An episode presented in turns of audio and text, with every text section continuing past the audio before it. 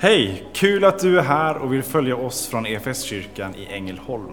Du kommer nu att få se eller höra en predikan från en av våra gudstjänster. Har du några frågor eller vill veta mer om oss som kyrka så kan du alltid gå in på www.efskyrkan.info.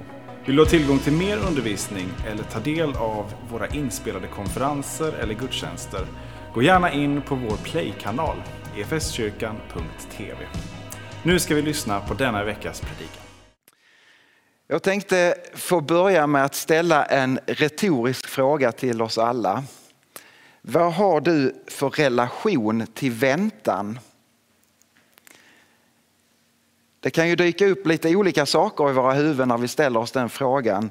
Vad har vi för relation till väntan? Ibland kan vi använda det här uttrycket att vi väntar på bättre tider. Det är väl passande ett år som detta. Väntar på bättre tider. Eller kanske du har hamnat i den där långa telefonkön om du har ringt till eh, någon institution och så hör man den där glada rösten. Du är nummer 137. Din väntetid är bara 45 minuter. Eller kanske det har ett annat djup om du sitter och väntar på ett besked, kanske från en läkarundersökning. Väntan kan ha så väldigt olika dignitet. Men något som kanske ändå är gemensamt med väntan det är att den kan vara väldigt tålamodsprövande.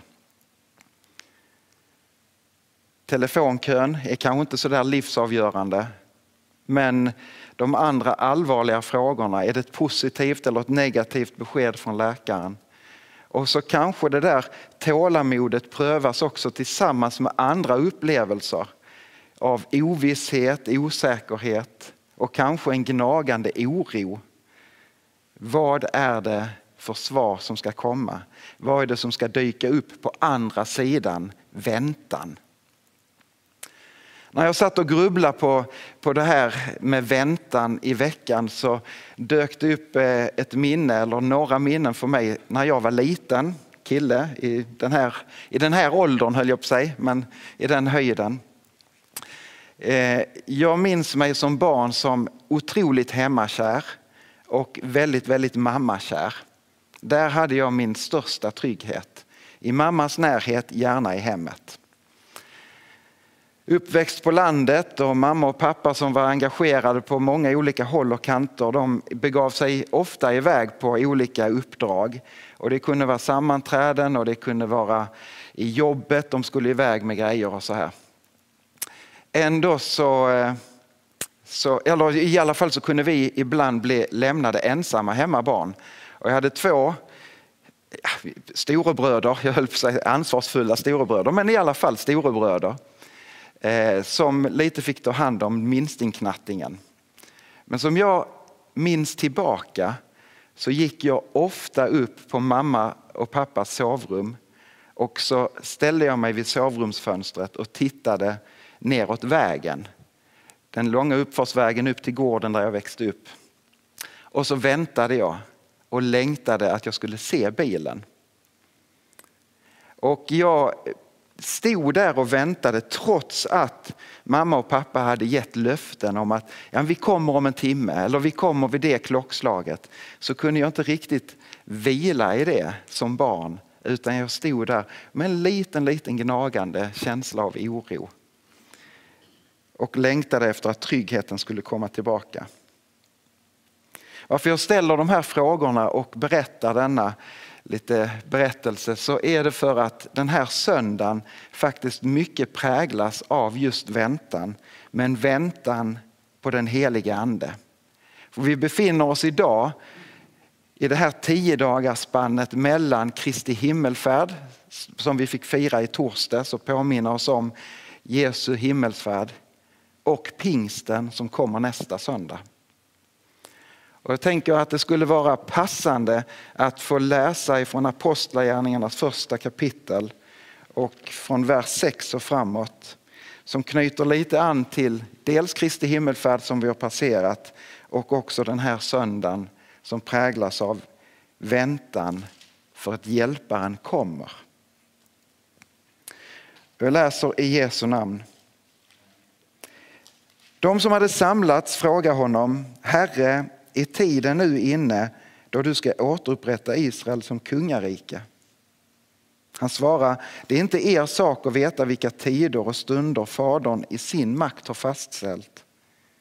Men ni ska få kraft när den helige Ande kommer över er och ni ska vittna om mig i Jerusalem och i hela Judeen och i Samarien och ända till jordens yttersta gräns. När han hade sagt detta såg de hur han lyftes upp ur höjden och ett moln tog honom ur deras åsyn. Medan de såg mot himlen dit han steg upp stod plötsligt två män i vita kläder bredvid dem. Galileer, sa de, varför står ni och ser mot himlen? Denna Jesus som har blivit upptagen från er till himlen ska komma tillbaka just så som ni har sett honom fara upp till himlen.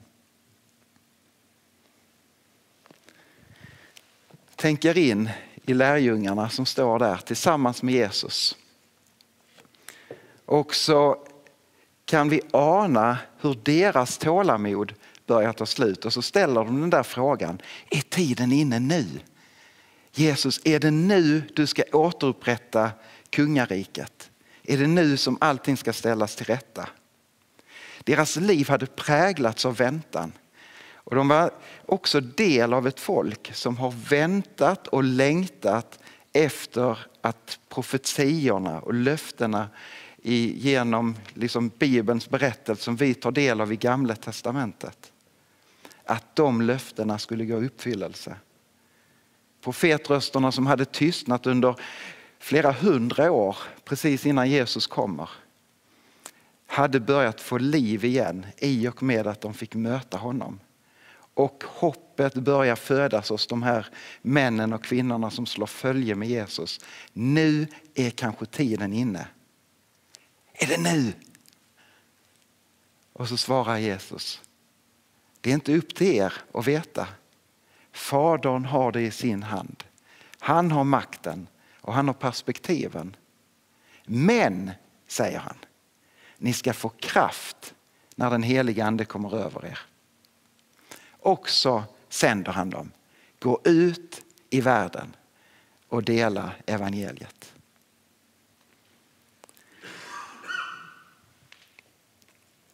Det är som sagt på Guds hjärta att saker och ting får ske i sin tid.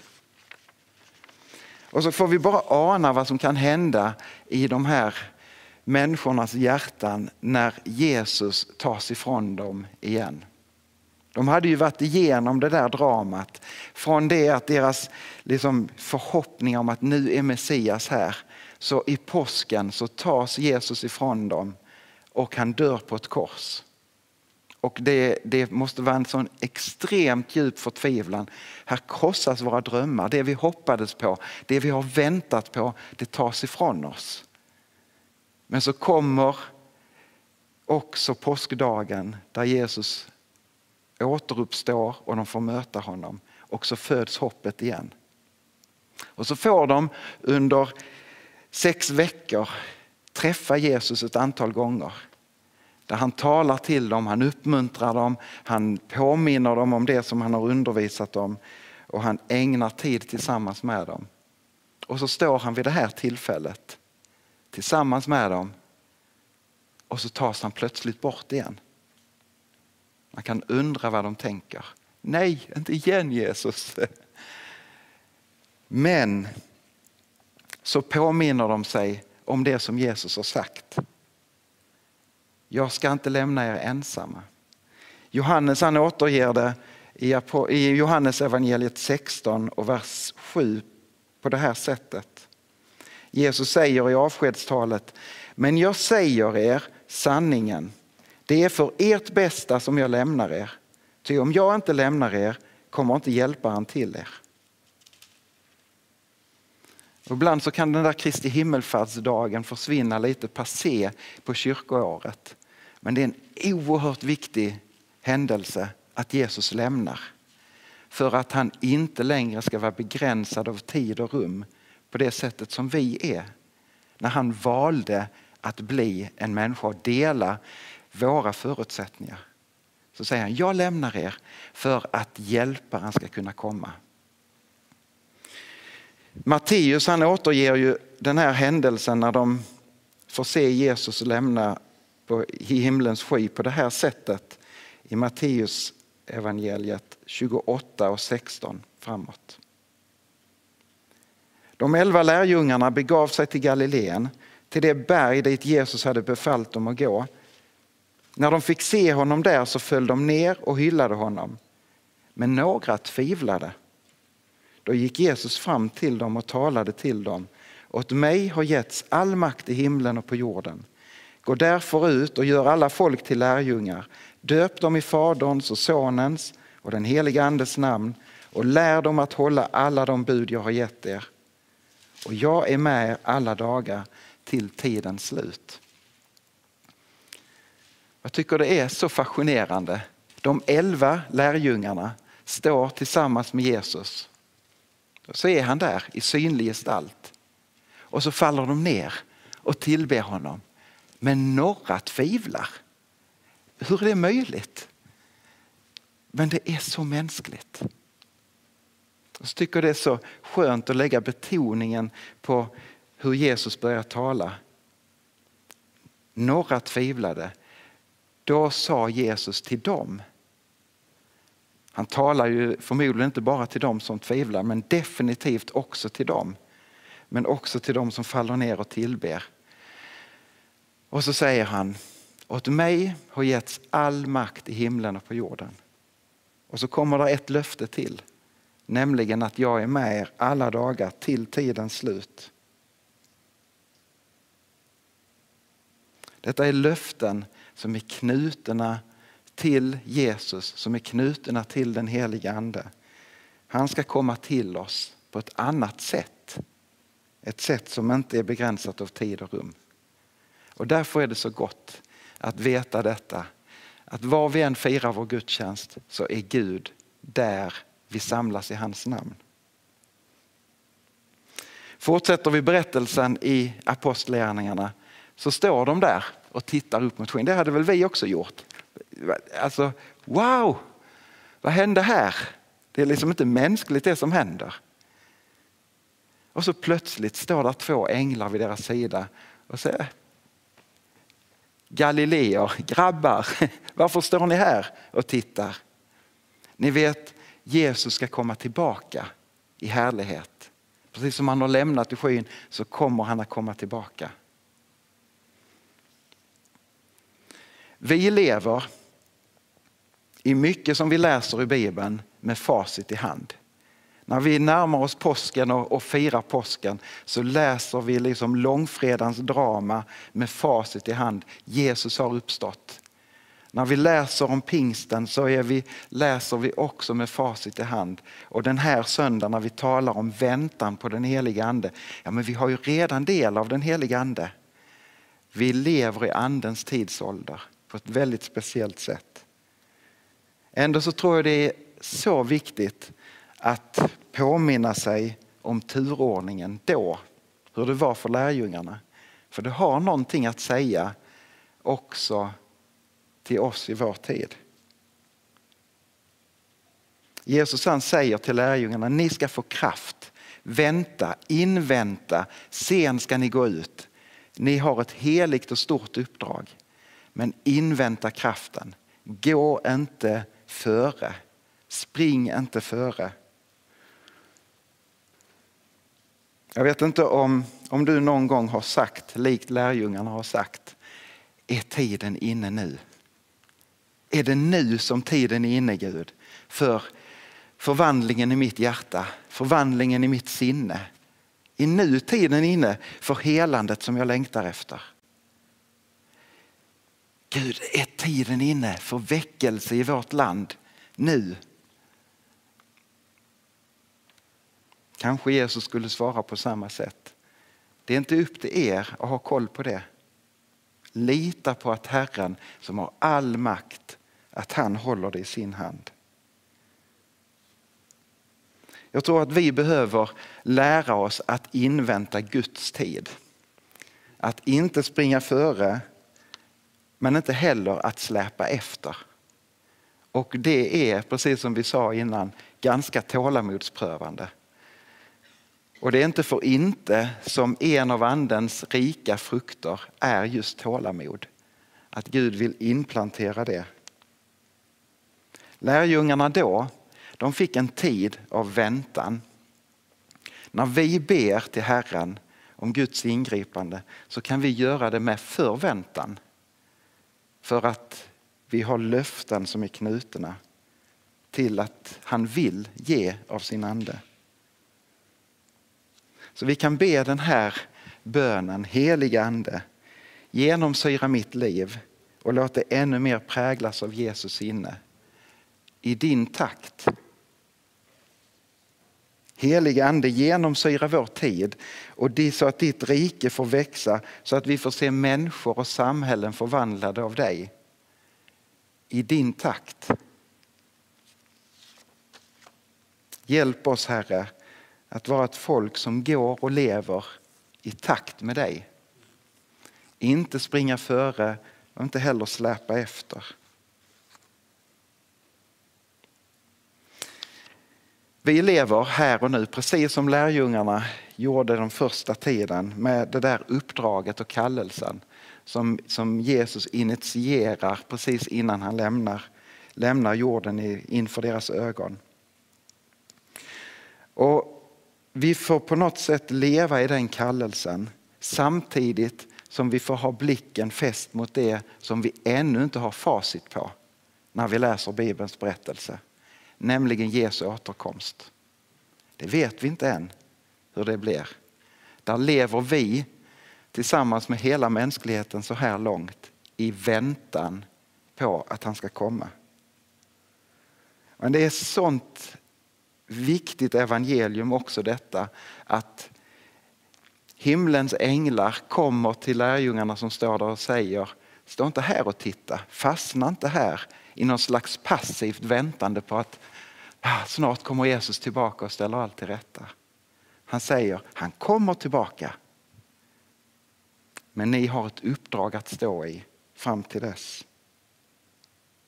De öppnar sina liv för att ta emot av den helige ande, att få kraft ifrån himlens Gud för att gå i det här uppdraget. Och så ger de vidare. Det de har fått som gåva ger de vidare som gåva. Och det är fortsatt vår kallelse som enskilda kristna men också som kyrka tillsammans med hela Guds, Jesu kropp över hela jorden. Och så blir de påminda om och om igen om löftena. Johannes skriver ner massor av det här. Alla evangelisterna de skriver ner om vad Jesus har talat om. Vad de har fått höra, vad de har fått se. Och en del, annan del av, av eh, avskedstalet så säger Jesus så här från Johannes evangelium 14 och 25. Detta har jag sagt er medan jag är kvar hos er. Men hjälparen, den helige ande som Fadern ska sända i mitt namn, han ska lära er allt och påminna er om allt som jag har sagt er.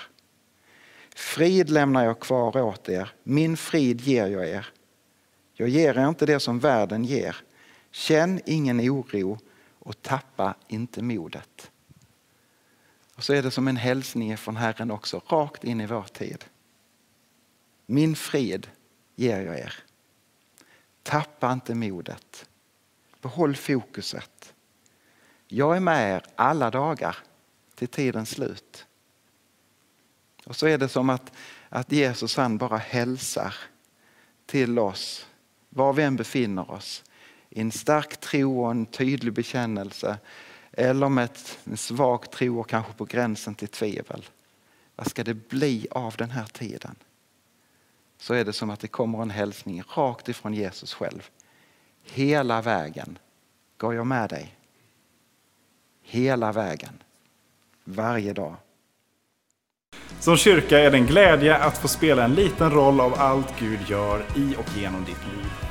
Vi vill gärna fortsätta följa dig på den resan och vill du ta reda på vad ditt nästa steg kan vara på din resa med Gud så gå in på efskyrkan.info nästa steg. Vår längtan är att få se människor och samhällen förvandlade av Jesus.